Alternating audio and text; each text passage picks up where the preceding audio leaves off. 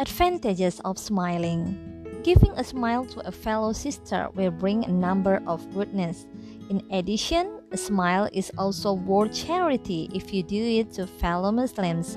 Smiling is our way of expressing our feelings. It is also a form of gentleness as well as a sign of the person's noble character.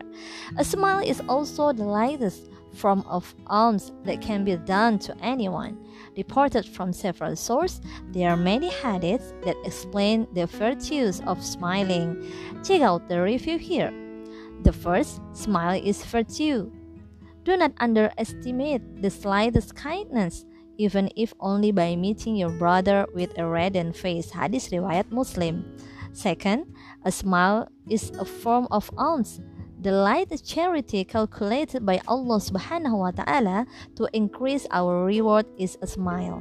Your smile in front of your brother is alms to you. Sahih Hadis riwayat Tirmizi. Third, be a means of doing good to humans. Rasulullah said, You will not be able to do good to all humans with your wealth, so let your kindness reach them with joy on your face. Hadis riwayat Al Hakim.